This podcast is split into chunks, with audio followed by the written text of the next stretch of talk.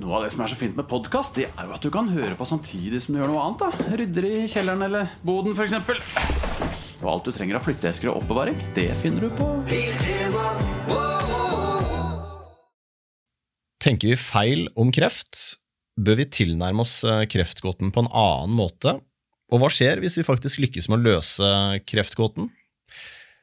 Ekspert i denne episoden her, det er eh, Jarle Breivik, som er professor ved Universitetet i eh, Oslo. Han er utdanna lege, har en doktorgrad innen kreft og immunterapi, Eh, og har gjort banebrytende forskning på sammenhengen mellom kreft og Darwins eh, evolusjonsteori.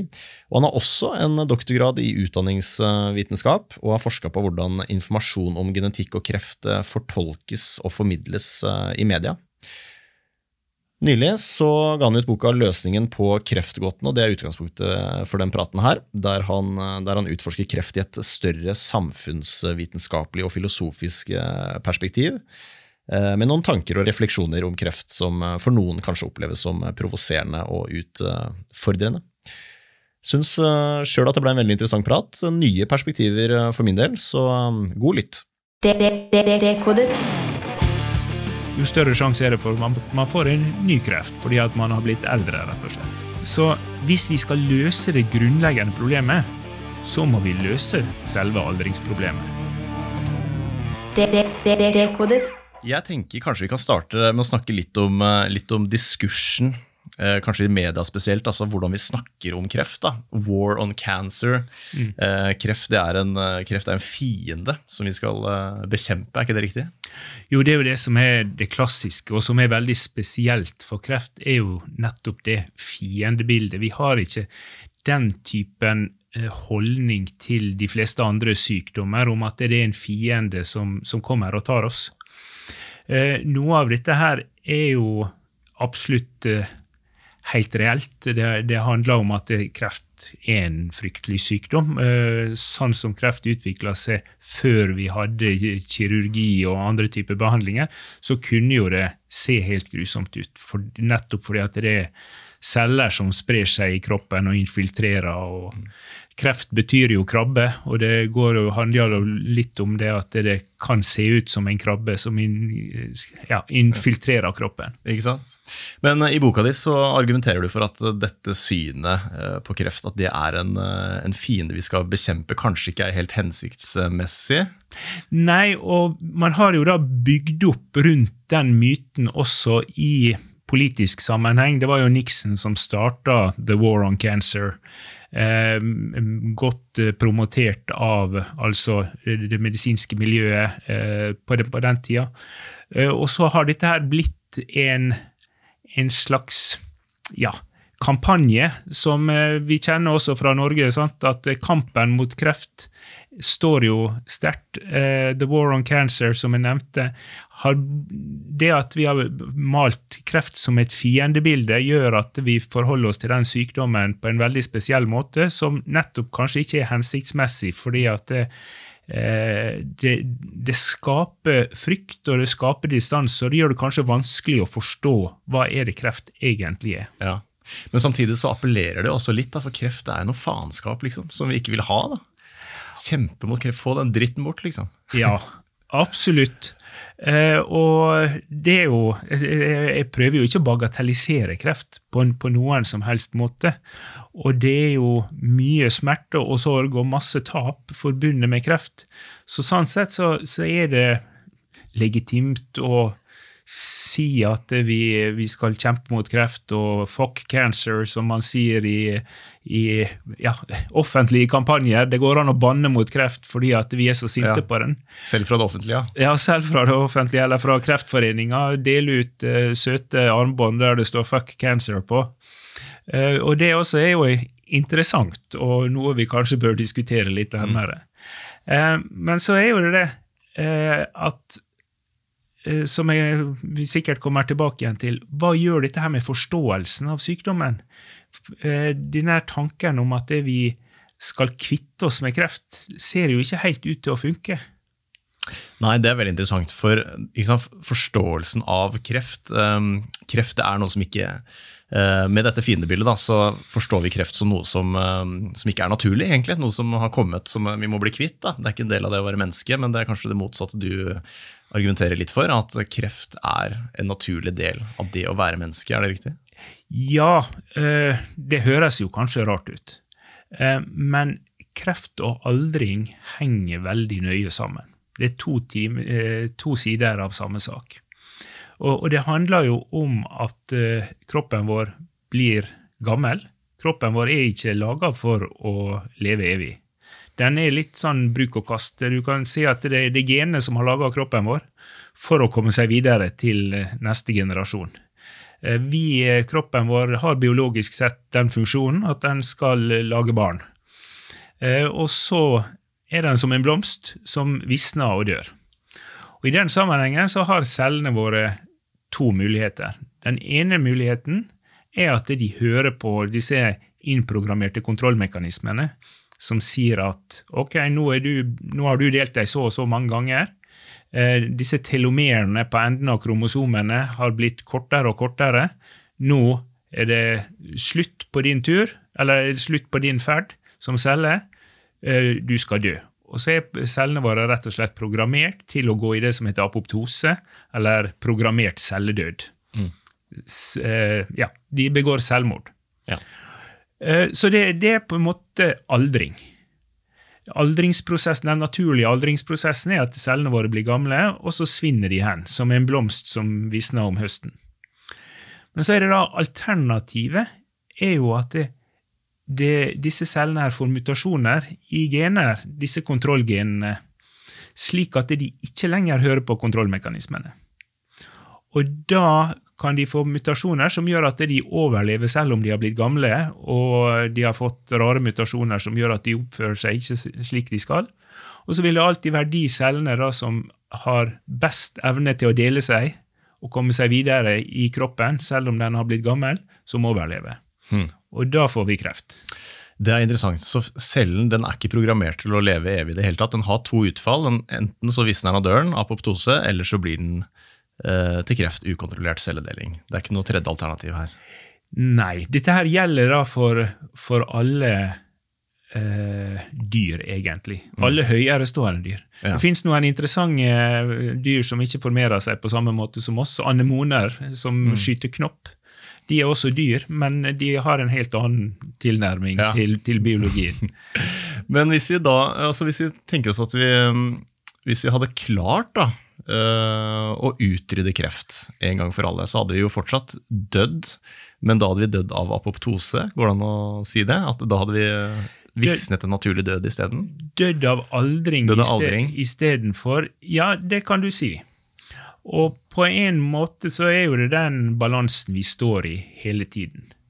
Eh, alternativet til, til å dø av eh, kreft er jo det man gjerne kaller degenerative sykdommer, som er aldring. Mm.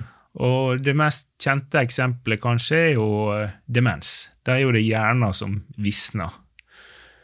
Ja, Det er interessant, for nå tenkte jeg det må jo være mye bedre å dø naturlig av aldring enn av kreft. Men hvis eh, aldring innebærer sykdommer som f.eks. demens, så er det ikke like opplagt at det er en bedre måte å dø på, kanskje? Nei, jeg var akkurat på, på Radiumhospitalet nå og holdt et innlegg der vi diskuterte nett, nettopp det. Altså, hva er målet for kreftforskning? Er det at vi skal eh, liksom gjøre kreft til en kronisk sykdom, sånn at vi kan holde det gående så lenge som mulig? Å dø av demens, f.eks., istedenfor. Ja. Er, er det bra? Ja, det er interessant. fordi ja, så Hvis vi kurerer kreft, så lever vi antageligvis lenger. Og når vi lever lenger, så får vi andre følgesykdommer med på kjøpet, som heller ikke er noe hyggelig. Nei, ja. Det er nettopp det at vi, vi, er kommet så langt i teknologien nå at vi, vi, vi presser på en måte biologien. Eh, mm. skal vi komme oss videre fra den levealderen vi har i dag, mm. så må vi nok gjøre radikale ting med, med, bioteknologi. Og det er jo det vi jobber med, med moderne kreftforskning og med ja, demensforskning også. Det er jo hva kan vi gjøre for at det hjernen ikke skal svinne mm. hen når den blir gammel? Ja, Så det dukker opp stadig nye problemer vi må løse. da. Når vi løser problemer, så dukker det opp andre. Men eh, det gjelder også kreft i seg selv. da. Du skriver i boka at eh, jo, mer, eh, jo bedre vi blir til å kurere kreft, jo mer kreft oppstår. eller noe sånt, Er det riktig? Ja, sant? jo bedre vi blir til å kurere kreft, og for så vidt alle andre sykdommer, jo lenger lever vi. Og jo mer aldersrelaterte sykdommer, sånn som kreft, Mm. får vi. Og det er jo et kjempeparadoks. Og det er jo det vi som samfunn står midt oppe i dag, der vi ser at det, eh, helsevesenet krever mer og mer eh, ressurser. Mm. Eh, mer og mer avansert behandling. Vi ser at vi har muligheten til det, men det er også kjempedyrt. Så vi kommer jo da i et dilemma der hvor mye penger skal vi egentlig bruke på å forlenge livet? Ja, for det koster mye penger å behandle kreftsykdom også seint i, i livet, eh, vil jeg tro. Det gjør det. Ja, Men er det, altså, er det, er det et én-til-én-forhold her? At det, det, alderdom og kreft henger sa, uomtvistelig sammen? Altså, blir du eldre, så får du på et eller annet tidspunkt kreft uansett? Ja, man kan si det så tydelig. Altså Hvis man obduserer 90 år gamle menn eh, som har, har dødd, da, sant? så ser man at eh, så å si alle har begynnende prostatakreft. De har dødd med den kreften, og ikke av den, men det viser eh, retninga, hvordan ting utvikler seg. Jeg bruker å si at hvis du har blitt 100 år og du ikke har, har påvist kreft, så er du bare ikke undersøkt godt nok. Mm. Og, og det, det er slik det skal være. Ja. Godt er det. sant? Men sånn rent, eh, hvis vi dykker litt ned på cellenivå, hva er det, hva er det med alderdommen i seg selv som gjør at, eh, at kreft nærmest blir en garanti på et eller annet tidspunkt? da? Ja, da, da må vi ned på, på gennivå. På gennivå. Eh, og, og den enkle måten å beskrive det på er jo at for hver celledeling så skal det kopieres flere milliarder eh, nukleotider, som det heter, i, i DNA, altså den genetiske koden. Og den ko eh, kopieringen der, den er veldig nøyaktig. Det er masse systemer og kontrollsystemer, og sikkert hørt om DNA-reparasjon. Eh, og eh, dette her foregår hver gang cellen deler seg. Det er veldig nøyaktig, men det er aldri helt perfekt. Sånn at for hver enkelt celledeling så blir genene våre, får genene våre litt flere feil.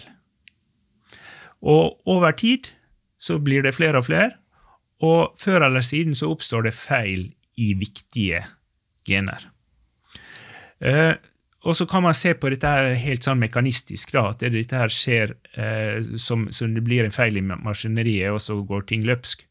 Men det er litt mer komplisert enn det, fordi at celler er jo levende ting. Det er jo små organismer.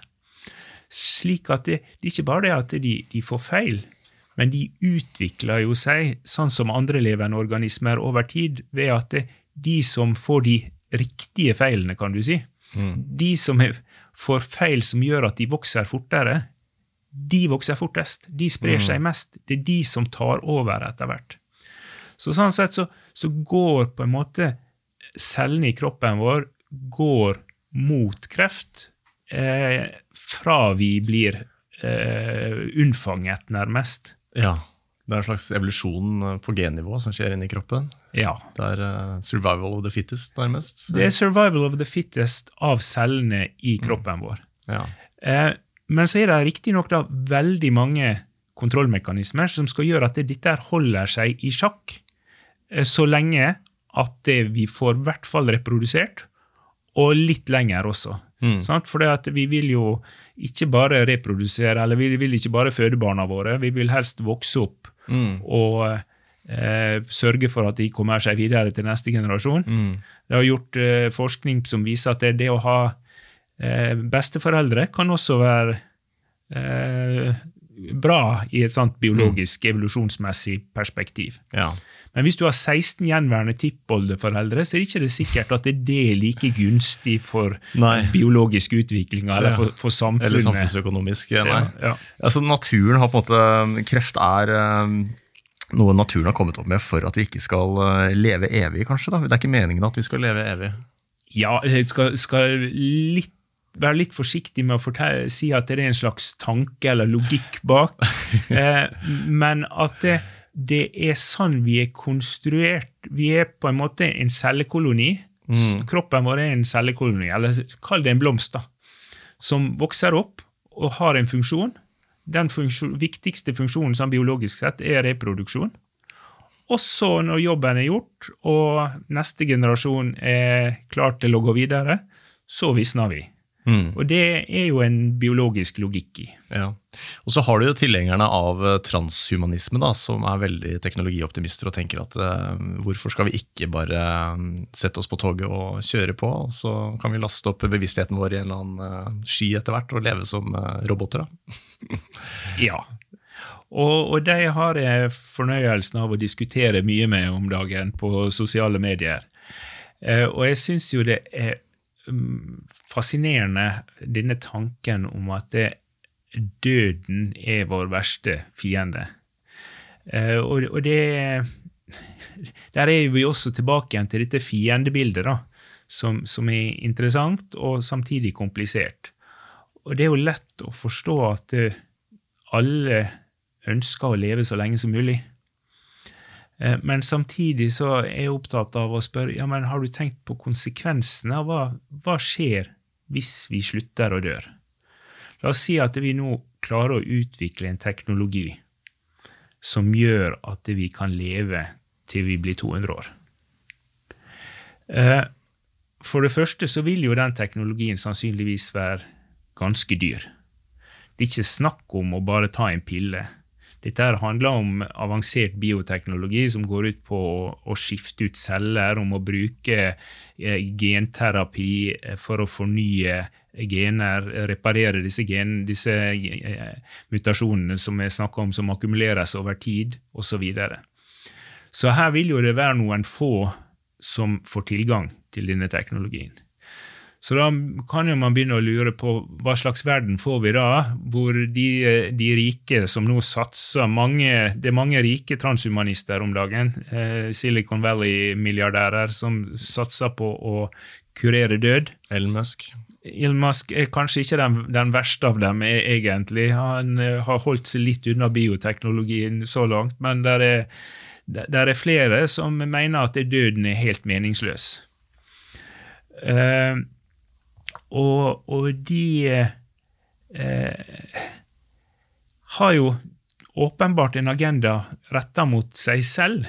Eh, og kanskje de også har en forståelse av at de, de, man vil gjøre menneskehet noe godt hvis man fjerner død. Det er ikke jeg så sikker på. For hvis vi, hvis vi fjerner døden, så vil jo vi nødvendigvis også måtte slutte å få barn. Mm. Det er enkel logikk, enkel matematikk. Det er ikke plass til uh, 200 milliarder mennesker på en klone her, nei? Nei, og det, det, det, vil jo aldri stoppe, da. Hvis, vi, mm. hvis vi ikke uh, Hvis vi som lever i dag, uh, skal leve evig, så vil det nødvendigvis si at vi må slutte å få barn.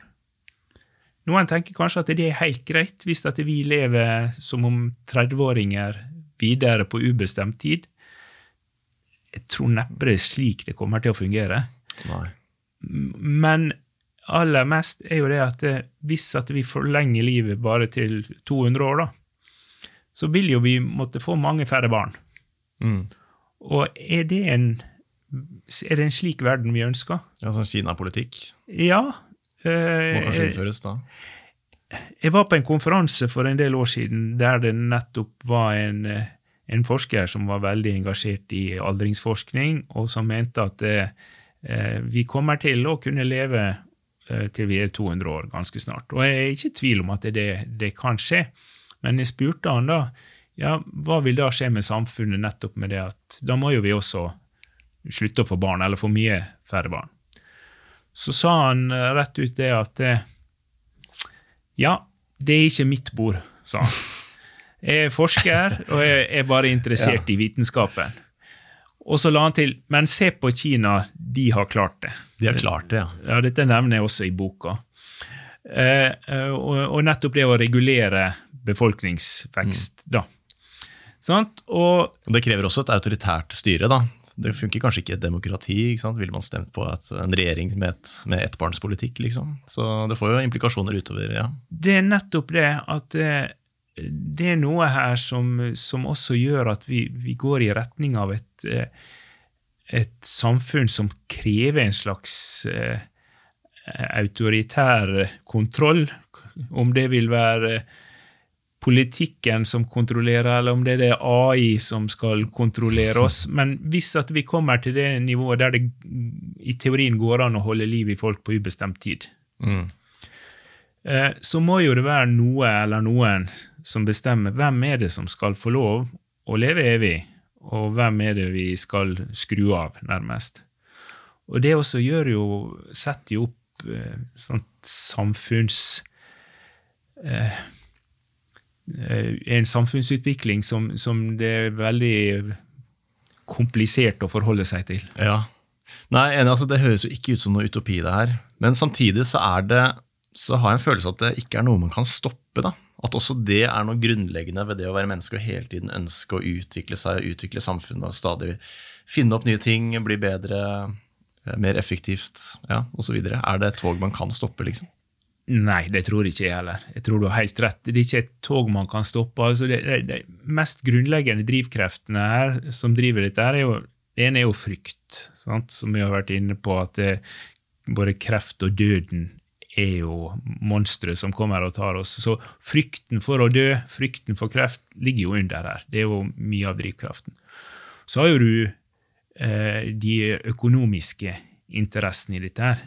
Eh, kreft og aldringsforskning, eh, behandling av alderdomssykdommer, er jo big business på, på, veldig mange måter.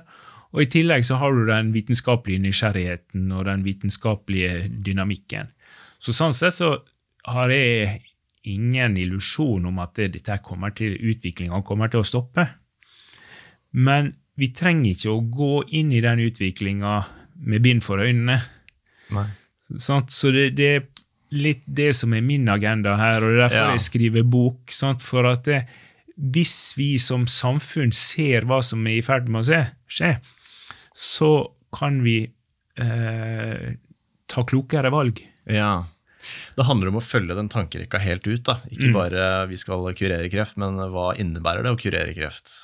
Nettopp. Ja. Og det er det jeg skriver om også. at Eh, vi må, må, må, prøve å se hva er konsekvensene. Og nettopp disse konsekvensene som vi da allerede ser så tydelig, om at det, vi blir et samfunn der det, vi bruker mer og mer ressurser på å mm, opprettholde helsen og på å pushe levealder. Mm. Er det et samfunn vi vil ha? Hvor mye av samfunnets ressurser skal vi bruke på alderdom versus og den oppvok oppvoksende generasjonen. Ikke sant? Det blir plutselig et verdispørsmål. da. Mm. Men så er spørsmålet hvor, hvor, realistisk er det da at vi klarer å kurere kreft? For Du skriver også i boka at det er jo ekstremt, en ekstremt vanskelig oppgave. da. Mm. Og moderne kreftbehandling i dag handler vel om, først og fremst om å um, sikte seg inn på eksisterende kreftceller heller enn å fjerne årsaken til at kreft oppstår. Ja, du kan si at uh, kreftbehandling tradisjonelt sett går jo ut på å uh, fjerne eller drepe kreftceller. Fjerne dem med kirurgi, drepe dem med stråling, drepe dem med cellegift. Uh, det som vi har fått de siste åra, er jo det som heter immunterapi. Som da går ut på å fjerne eller drepe kreftceller ved hjelp av Litt eh, enkelt fortalt vi reprogrammerer eller stimulerer vårt eget immunsystem til å angripe eh, spesifikke kreftceller. Eh, det var der jeg tok doktorgraden min, i forskningsgruppen til en eh, veldig genial forsker som heter Gustav Gaudernak, som utvikla en, en, av de kreftvaksinene som i dag er veldig Eller typen kreftvaksine som i dag er veldig i vind. Eh, og, og, gir veldig lovende resultat. Eh, så det det går ut på, er jo å ta T-cellene, som er noen av disse cellene i immunforsvaret, og eh, måtte lære dem opp, eller stimulere dem, til å angripe akkurat den kreften som den pasienten har. Eller man kan eh, lage mer Jeg var innom disse her eh, telomerene i sted, og man kan eh, lage eh, T-celler som retter seg spesifikt mot eh, eh, kreftceller som har skrudd på det genet som heter telomerase, som gjør at disse telomerene ikke blir korte. For det er et kjennetegn på kreftceller. Eh, så her skjer veldig mye spennende. Eh, eh, men det er fremdeles slik da med immunterapi så er jo det fremdeles slik at man prøver å drepe kreftceller så spesifikt og så skånsomt som mulig. For et, et stort problem med eh, tradisjonell kreftforskning er jo alle bivirkningene. Så hvis det, fordi at det, når man bruker stråling, eller når man bruker cellegift, så går jo det også utover resten av kroppen. Så vi, jo mer spesifikke vi blir, jo bedre. Men denne typen terapi løser jo ikke det grunnleggende problemet om, som vi var inne på tidligere, om at alle cellene i kroppen vår egentlig er på vei mot kreftutvikling, fordi at det, det nettopp er umulig å ikke akkumulere disse mutasjonene over tid. Mm. Eh, så sånn sett så kommer eh, eh, immunterapi helt sikkert til å hjelpe veldig mange til et lengre liv. Men det, den grunnleggende begrensninga ligger jo der fortsatt, fordi at det, det, er, det er så nært knytta til aldringsprosessen. Hvis at vi skal løse selve kreftproblemet, sånn at det blir mindre kreft over tid For vi har jo også vært inne på det at det, jo mer kreft vi behandler, eh, jo lenger overlever pasienten, og jo større sjanse er det for at man får en ny kreft fordi at man har blitt eldre, rett og slett. Eh, så hvis vi skal løse det grunnleggende problemet, så må vi løse selve aldringsproblemet. Og da er vi nært opp til det du introduserte i sted med transhumanismen. Mm. Om Kommer vi dit at det vi faktisk kan holde liv i kroppen på ubestemt tid. Så å løse kreftgåten er å løse aldringsgåten, egentlig. Det henger sammen, det der. Det henger nøye sammen. Og da det, skal vi da um, fjerne kreft helt, så må vi rett og slett endre hva det vil si å være menneske, mener du da? Ja. ja. Og det som er interessant, er jo at det, hvis vi tenker etter, så er jo det egentlig ikke kroppen vi er så opptatt av å holde levende kroppen, den, eller kroppen er i hvert fall ikke opptatt av å holde liv i seg selv. Den er, som vi har sagt, programmert til, til å visne når den blir gammel. Det vi er ute etter skal leve videre, det som er viktig for oss som mennesker, er jo identiteten vår. Personligheten, bevisstheten, egoet. Jeg vil leve videre. Mens kroppen er jo i dag et nødvendig onde for at eh, jeget skal leve videre. Mm. Jeget klarer ikke seg uten kroppen vår. Jeget eksisterer jo på en eller annen måte i hjernen vår, eh, som vi ikke helt har klart å kartlegge ennå. Eh, og dette med bevissthet er jo et, en problemstilling som eh, fremdeles er veldig mystisk, selv om det forskes mye og det skrives mye spennende om, bevissthet. Men hvis vi tenker på at jeget vårt er en samling av informasjon i hjernen vår eh, som på en eller annen måte eh, opprettholder seg selv over tid, så er jo det interessant å tenke kan bevisstheten, kan jeget eksistere uten denne her eh, kroppen, som er så gammeldags at den bare visner hen og dør når den blir gammel? Og, og da hvis vi ser litt på det, på det store bildet, da, så, hva er det vi bruker mye av tida vår på om dagen? Jo, det er jo å prøve å laste opp alle meningene våre, alle bildene våre, alle tankene, ideene, all helseinformasjonen vår. Eh, snart så fins det mer informasjon om oss i den digitale verden enn det som fins i vår egen hjerne. Og Da kan jo man begynne å lure på Går det an at vi faktisk fortsetter å leve digitalt, vil det digitale jeg fremdeles være meg? Mm. Hvis du skjønner hva jeg mener? Ja, jeg tror det. Jeg tror jeg skjønner. Jeg er ikke helt sikker på om jeg skjønner det sjøl heller. Men, Men- men det, er, det er altså noe en kobling her som går på det med kunstig intelligens. Ja. Den digitaliseringa vi ser av verden. Eh, det skjer mange koblinger mellom bioteknologi og informasjonsteknologi. Bioteknologi er jo på en måte Eller biologien, eh, genene, er jo på en måte biologien sin informasjonsteknologi. Mm. Og, og når dette her smelter sammen, så kan det bli til noe veldig spennende, men eh, Mm. Men også kanskje, skummelt for mange. kanskje skummelt. ja. Men tror du, tror du jeget kan leve helt uavhengig av uh, kroppen? Uh, la oss si at man hadde fått transplantert på en annen kropp på sitt eget hode. da. Mm. Vil man fortsatt opplevd eh, det samme jeget da? Er interessant. Jeg vil vel tro at hvis, det, hvis man klarte å, å overføre hjernen til en ny kropp, så tror jo jeg det at det, det er hjernen som vil definere jeget, og Ja. ikke, ikke kroppen. Nei, ikke sant? Så det er interessant. Sånn, det er jo noen som har diskutert eh, er det kroppstransplantasjon eller er det hjernetransplantasjon. Ja, ikke sant? Eh, og, og egentlig så er jo det kroppen som Hvis, hvis det er jeget som definerer eh, hva, hva vi snakker om, subjektet, eh, så, så vil jo det være at man får en ny kropp. Eh, så, så det og, og man kan jo tenke seg at vi kommer så langt at det, man, vi kan fornye kroppen organ for organ. Mm. Men så kommer vi til hjernen. Og så er det store spørsmål kan vi fornye hjernen og fremdeles være oss selv.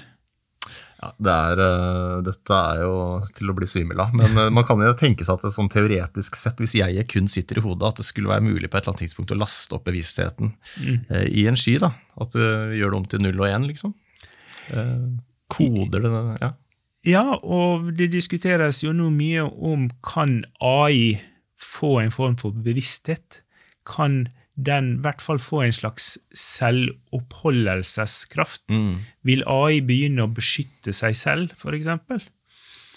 Eh, Det er jo ikke så unaturlig å tenke oss, og i hvert fall hvis vi tenker at det, AI er jo ikke noe selvstendig, for så vidt, men det er en del av kulturelle strukturer, av selskaper. Google har sin AI.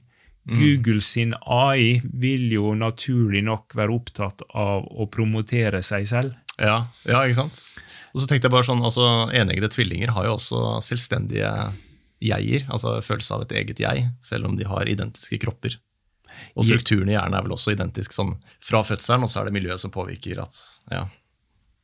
Ja, sant? Så, så det er jo eh, Jeget er jo i stor grad eh, former av eh, den det man har opplevd i løpet av livet også. Der, der ligger jo noe Hvis du ser på hjernen som en slags hardware, da, Mm. så vil jo eh, jeget være en, en, en, eh, eh, en syntese av hardwaren og den softwaren som har kommet inn. Altså, man kan snakke om evolusjon av gener, men også evolusjon av memer. Sant? Hvor, hvilke memer er det vi tar med oss? Hvilke memer er det vi sender videre Ja. til, til barna våre? Spredning av eh, ideer, kultur, sånne ting, tenker du på? Ja. Og at hvis man ser på at genene har gått sammen om å lage organismer, så kan man si at det, memene går jo sammen om å lage identiteter, lage personligheter, men også lage kulturelle konstruksjoner som religion og eh, vitenskap, for den saks skyld. Mm. Shit. Ja, dette er eh, som sagt til å bli svimmel av, men det er veldig interessant. da. Men det, det jeg tar ut fra det her, er jo først og fremst at kampen mot kreft er kampen mot alderdom. da.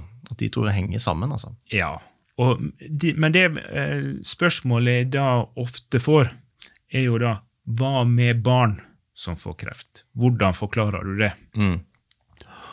Og det er jo ikke sant, helt enkelt å forklare det ut fra en sånn eh, modell som bare knytter dette her til aldring.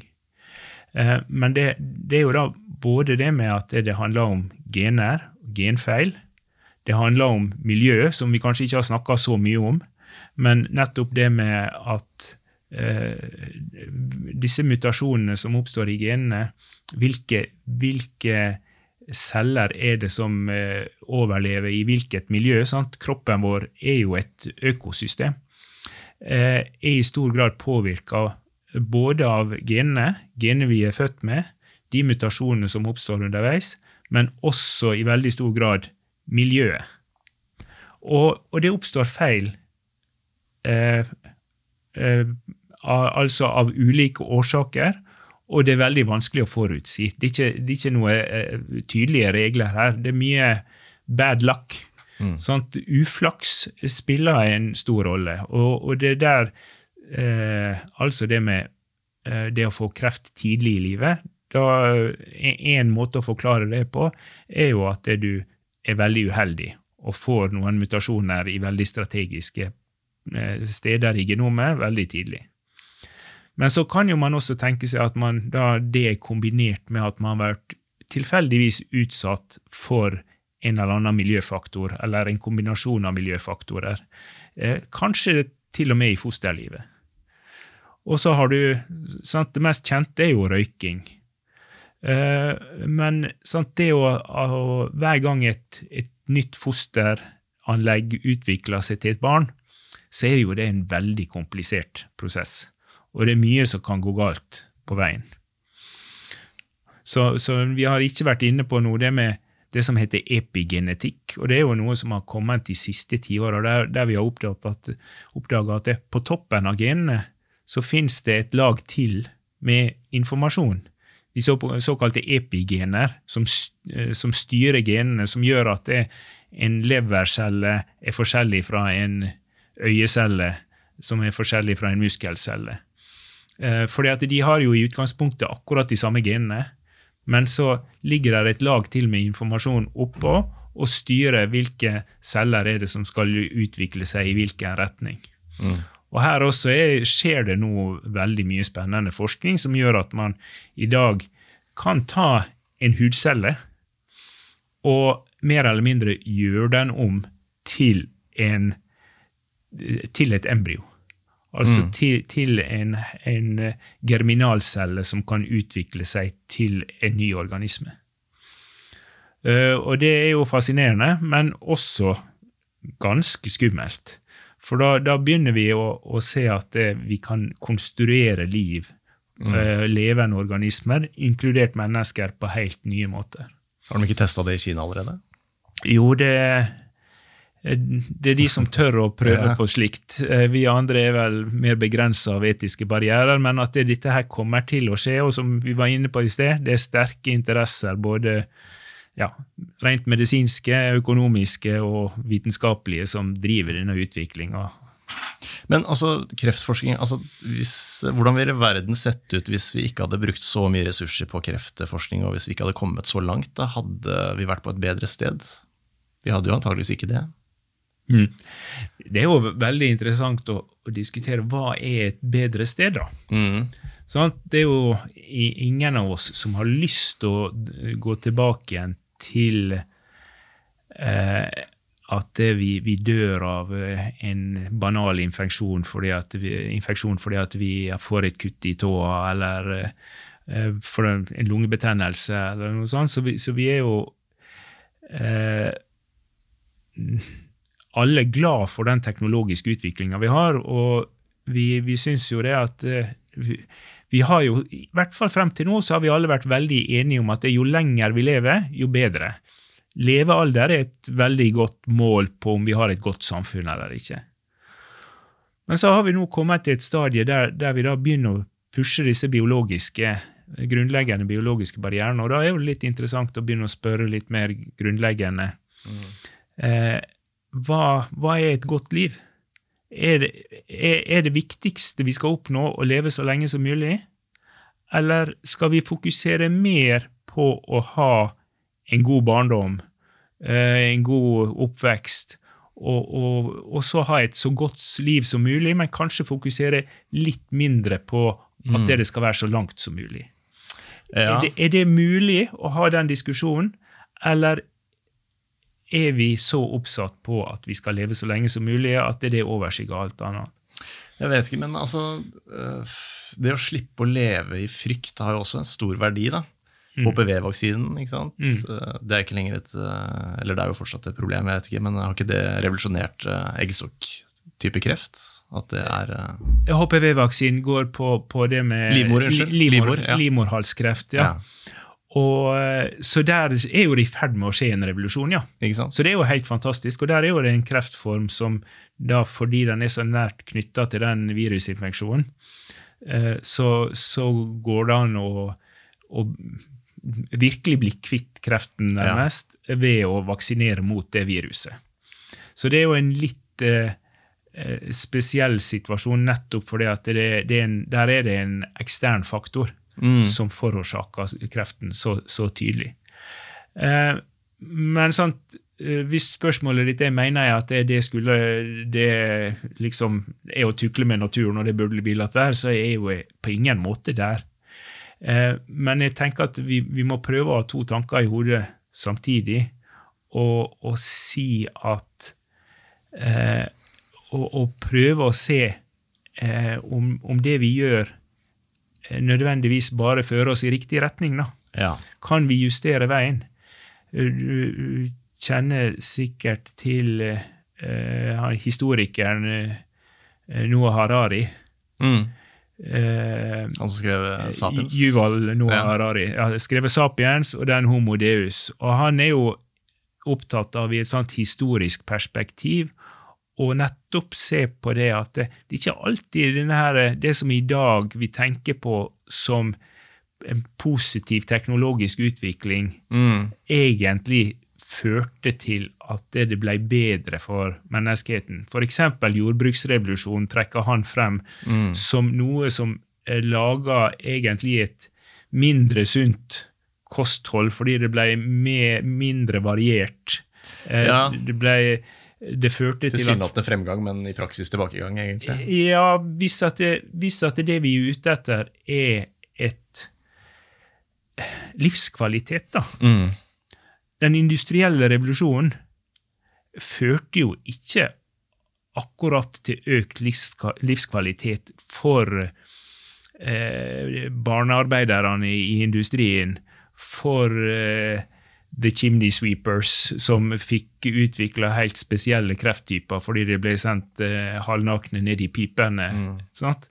Så, så, så det vi tenker på som utvikling i dag, som eh, vi kanskje tenker ja, det var nødvendig, har jo gått gjennom noen trinn som absolutt ikke var så positive. Mm. Så det er jo interessant å hvilke, hvilke feiltrinn er det vi helt sikkert kommer til å gjøre Ja. i, i den store teknologiske utviklinga vi er inne i nå?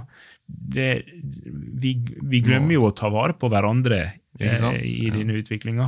Ja, for det lurte jeg på når jeg leste boka di, så lurte jeg på om det er en sånn implisitt uh, undertone her. At du implisitt mener at vi burde gjort ting annerledes. Men det er ikke det at du, du mener at uh, vi ikke burde spytta inn så mye ressurser i kreftforskning de siste 30 åra. Det handler vel mer om å løfte blikket. Eh, Det handler mye om å løfte blikket. Eh, Men i, når vi gjør det, så vil vi kanskje tenke litt annerledes. Eksempel når vi snakker om dette med livslengde versus livskvalitet. Da.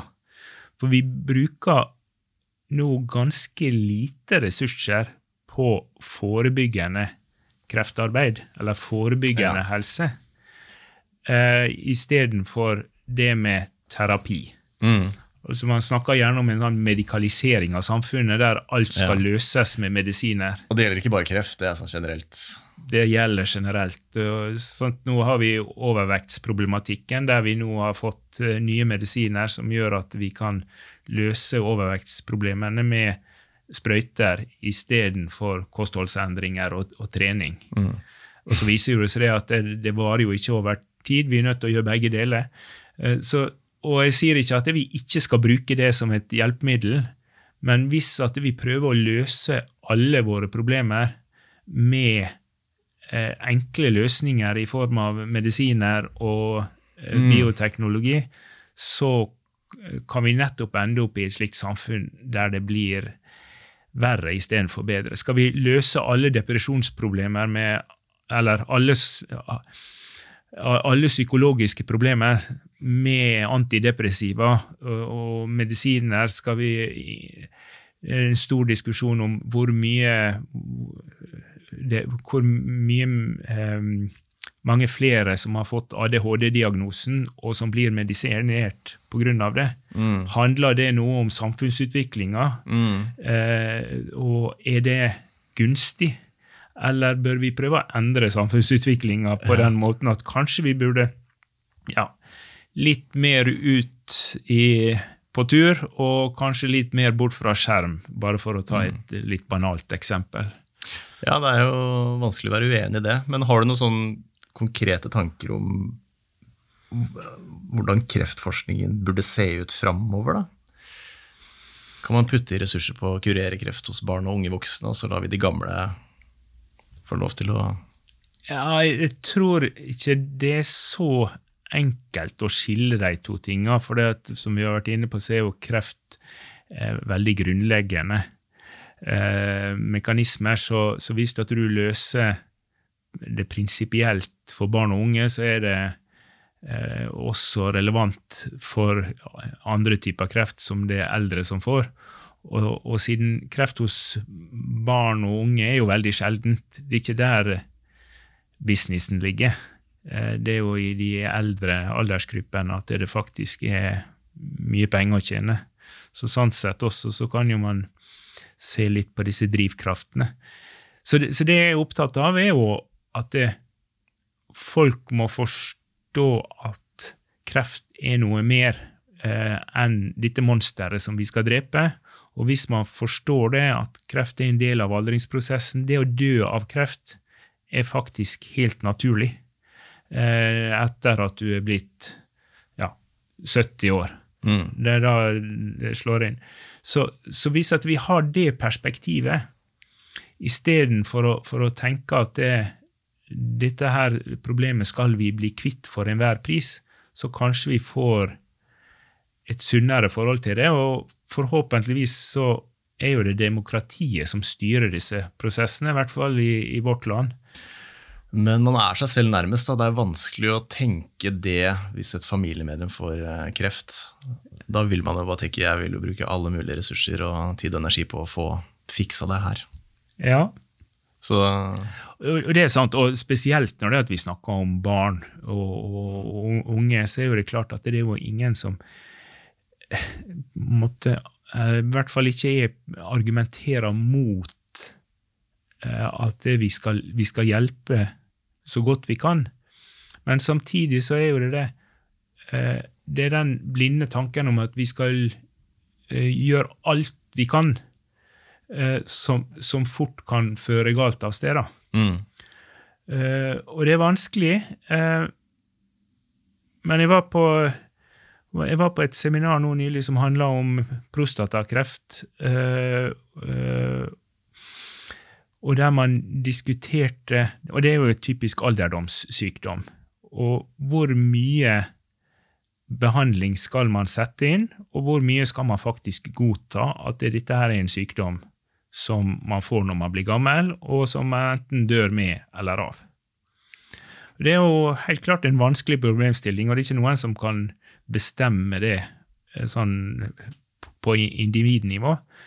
Men det som kom tydelig frem på det seminaret, det var at det er de som har mest kunnskap, altså de urologene som faktisk behandler prostatakreft, det er de som er minst opptatt av å skrine seg for denne sykdommen, fordi at det er såpass uklart eh, den informasjonen du får.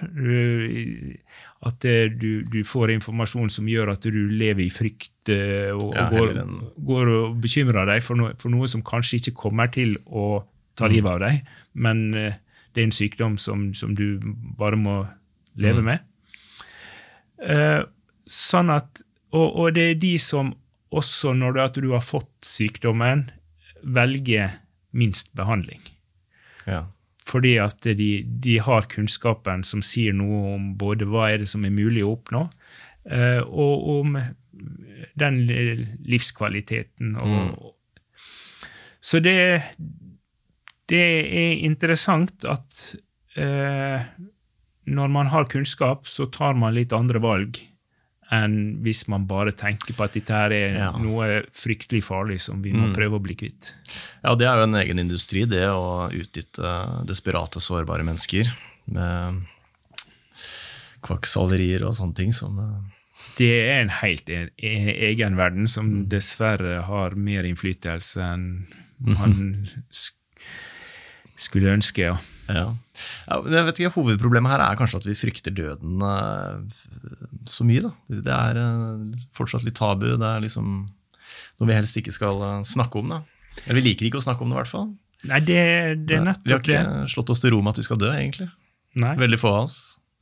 Og så lenge vi ikke har det, så er det kanskje vanskelig å, å stoppe den utviklinga. Det, det, å kurere kreft er jo kanskje sånn en ubevisst, eh, et ubevisst mål om å kurere aldring, selv om man kanskje ikke har knytta den tanken selv. Da, men at på et dypere plan så er det egentlig det man Der er en kobling, helt klart.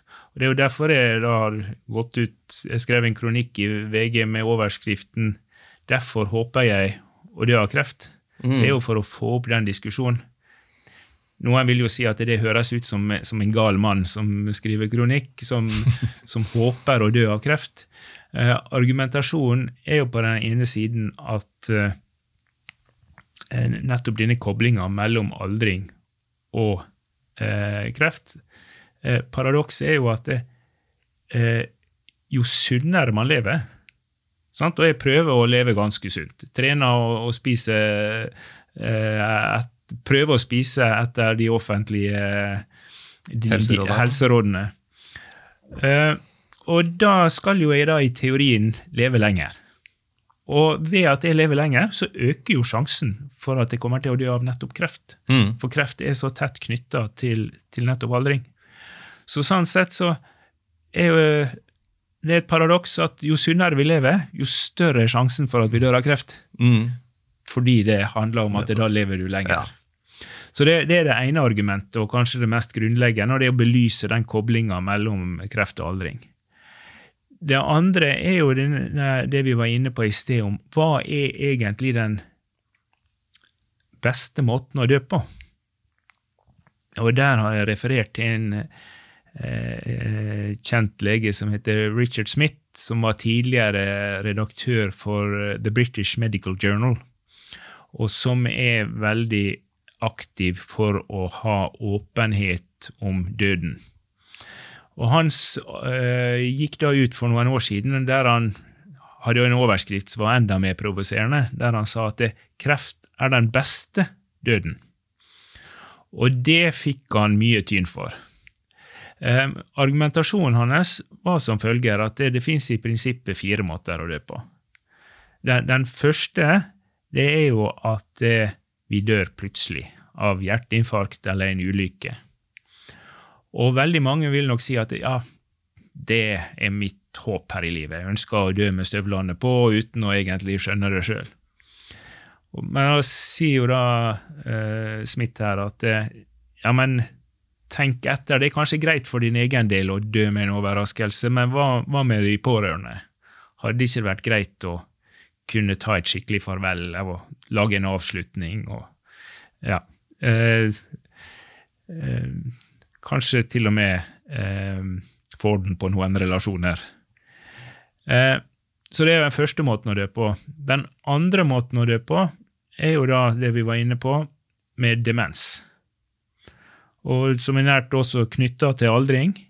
Eh, og det er jo at det hjernen på en måte svinner hen. Eh, sjelen, eller jeget, forsvinner før, mens kroppen kanskje fremdeles er, levende. Eller i god, eh, fullt funksjonell. Eh, og mange vil nok tenke at det, det ikke er særlig attraktivt. Og Richard Smith sier selv at for han så er det siste, absolutt sis, siste valget. Døden i seg selv kan jo være mild, men det er jo den tida i forkant som, som er vond både for en selv og, og for de pårørende. Mm. Eh, tredje alternativ det er det han da kategoriserer som organsvikt. Sant? Hjertesvikt, eh, eh, altså kronisk obstruktiv lungesykdom, at lungene gradvis fungerer dårligere, nyresvikt osv. Eh, og, og det også henger jo sammen med aldring, selvfølgelig. Og, og det, da er jo livet litt mer sånn berg-og-dal-bane. Det, det, går opp og ned, inn og ut av sykehus. Det er mange medisiner. Uh, og døden er ganske uforutsigbar. Så kan man spørre seg hvor, hvor bra måte å dø på er det? Mm. Og så står han igjen da med den siste, og det er da kreft. Og der han sier at det, ja, kreft kommer gjerne med noen år eller måneders forvarsel, men når du først setter inn, så er det relativt raskt. Mm. Så det er hans logiske tilnærming at det, det, er kanskje den beste måten å dø på. Mm. Uh, og så sier han at det, smertene de kan han døyve med mofrin og whisky. Og det er jo litt, litt flåsete sagt, og litt sånn, han fikk veldig kritikk for det, at han romantiserer. Og jeg vil jo si at det, vi skal være veldig forsiktige med å kategorisere andres død og si at noe er bedre enn noe annet. Og jeg skal i hvert fall ikke være den som bagatelliserer folk som er syke av kreft og, og, og, og døende av kreft. Jeg skjønner at det er helt fryktelig. og som sagt, uh, sannsynligheten er relativt stor for at uh, både du og jeg kommer til å dø av kreft, og er helt sikker på at jeg kommer til å synes det er like fryktelig som alle andre. Uh, men samtidig så er det det å ta den, ta den diskusjonen da, med, med, noen eller med seg selv om hva er egentlig døden? Hvordan er det egentlig så mye verre å, å dø av kreft enn f.eks. av demens? Mm. Ja, Det er interessant at kreft ikke nødvendigvis er den verste måten å dø på. ja. Men, um, men det, opplever du at budskapet ditt er litt uh, provoserende for noen? Er det noen som reagerer på, at, uh, på det du sier, på en negativ måte? Ja, Eh, det er jo det. Eh, men det er først og fremst eh, ut fra hvis man ikke får hele budskapet, hvis man bare leser overskriftene, f.eks. Mm. Så, og så er jo det noen som reagerer veldig instinktivt på at det, det du sier, kan føre til at det blir mindre penger til kreftforskning. Til Sant? At det med kampen mot kreft er jo en veldig ja, eh, effektiv måte å drive markedsføring på. Og, og Kreftforeninga har jo brukt den med stor suksess. Mm. Og, og, de syns nok at det, dette budskapet her er litt komplisert. For, for, eh, de er nok enig i uh, at det jeg sier, er Eh, faglig sett riktig. Mm. Det, det, er ingen som eh, det, Jeg sier jo ingenting som er eh, faglig omstridt. Jeg bruker jo bare helt mm. kon kon konkrete, velfunderte statistikk og biologiske mekanismer og sånn. Men det er jo det å, å, vinkle det på den måten som gjør det til en problemstilling som er veldig vanskelig å forholde seg til, fordi mm. den er så komplisert. Ja, i hvert fall når man følger den tanken helt ut. da. Mm. Men også, jeg kan også altså Hvis man er i en desperat eh, situasjon, da har barn eller et familiemedlem som har fått kreft, så er det kanskje et håp i det at man føler at eh, samfunnet gjør alt de kan for å løse denne kreftgåten, at det blir spytta inn masse penger i det. Mm. Eh, og hvis det går gærent, så vet man i hvert fall at eh, vi gjorde i hvert fall alt. da. Mm. Hva tenker du om det? Da, man er jo seg selv nærmest, ikke sant? Ja, og, og den problemstillinga har jo vi veldig mange andre steder i samfunnet også. Så du kan si at den, den blir kanskje veldig nær ved en, en, sånn sykdom som nettopp har denne, denne auraen av en fiende, eh, samtidig som det er veldig konkret at det er celler i kroppen som sprer seg, mm. og, og, og, det gjør det veldig sterkt. Men akkurat dette her, denne balansen mellom hva er det vi skal bruke penger på, og hvor er det vi skal bruke ressursene, den må jo vi ta på alle mulige måter. Skal vi, skal vi bruke penger uh, på trafikksikkerhet, eller skal vi bruke dem på mm. på røykestopp? Eh, skal vi bruke dem på eh, å få folk til å eh, spise sunnere? Eh, vil noen kanskje si ja, men vi kan gjøre alt sammen? Eh, noen vil si at vi bør slutte å bruke så mye penger på, på krig og, og sånn. Eh, ja, gjerne det. For all del. Oss, eh, hadde vi nå ikke trengt å bruke alle disse milliardene vi trenger å, å gjøre for å forsvare oss mot eh, Putin, f.eks., så kunne vi brukt mer på andre mm. konstruktive ting. Eh, Men det er jo hele tida så står jo vi i den situasjonen at vi må prioritere. Og eh, nå er jo vi i en situasjon der vi ser at vi må bruke stadig mer penger på helsevesenet. Og eh, det er mange, både politikere og helseledere og leger eh, og sykepleiere, som eh, står i veldig pressa situasjoner. Hvordan skal vi få dette her til å fungere? Ja. Og da er jo det Må vi kanskje ta noen st- større perspektiver enn bare liksom Ok, hvordan skal vi få dette budsjettet til å fungere? Kanskje må vi se på hele eh, måten vi organiserer samfunnet på, og hva som er målet vårt. Mm. Er målet at det alle skal leve så lenge som mulig, så er ikke det sikkert at det, det gir oss et bedre samfunn. Hva er egentlig prislappen på et menneskeliv i Norge? Hvordan regnes det, vet du det? Nå skal jeg ikke dra opp kroner og øre, men jeg har skrevet om det i boka nett, nettopp fordi at vi i Norge har jo et veldig finurlig system der vi, vi har det som heter kvalite- kvalitetsjusterte leveår, som går ut på at vi kan regne på hvor mye er et leveår til en norsk person verdt, i form av hvor mye penger kan vi bruke på det i helsevesenet.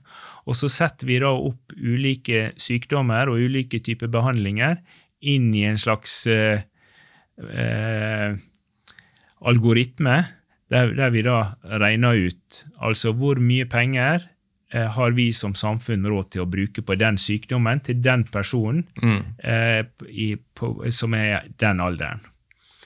Og, og da er jo det sånn at det, et, et barn som eh, får en alvorlig sykdom som kan behandles med effektive medisiner, så vil jo vi være, som samfunn være villige til å bruke ganske mye ressurser på å få til det.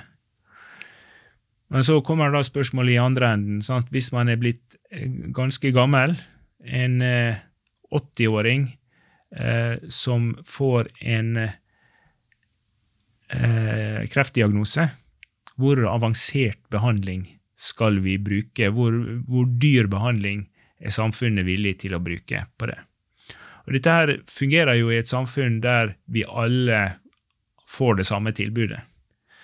Eh, Og der er jo Norge og kanskje de skandinaviske landene relativt unike i forhold til USA, der man, eh, hvilken behandling man får, også for kreft, avhengig av hvilken helseforsikring man har, og hvor mye penger man, man har å, å putte inn i det selv. Så det er jo også et tankekors i, i det store bildet, og vi, ser vi på det globalt, så det vi, vi ønsker sant, eh, persontilpassa immunterapi når vi får kreft, det er jo en veldig fjern tanke for de fleste i andre deler av verden, f.eks. I, i mindre utvikla land, der eh, bare det å i det hele tatt få kirurgi, hvis, du, hvis du har en stor svulst på halsen, kan være en utfordring. Ja, ikke sant. Så der er et etisk dilemma der òg, kanskje. ikke sant? Skulle man fordelt godene litt bedre? Eh, Ja, Det er et privilegium å ha tilgang på de eh, nyeste typer kreftmedisinene. Til de grader. Ja. Ja, det er, eh, det er mye å tenke på her. Det er noen eh, spennende nye perspektiver du, eh, du har med deg. Så, og jeg synes den boka var, Det fine med den boka var at den var så lettlest. Eh, mange av de fagbøkene kan jo bli litt sånn eh, fagtunge noen ganger, men den her eh, raska jeg gjennom på to dager. Så den vil jeg anbefale. Løsningen på kreftgåten Jarle Breivik. Tankevekkende og lettfattelig om et av livets største mysterier. Stiller meg bak det. Takk, takk. Den fins også som, eh, som lydbok, både på norsk og engelsk. De- de- de- Dekodet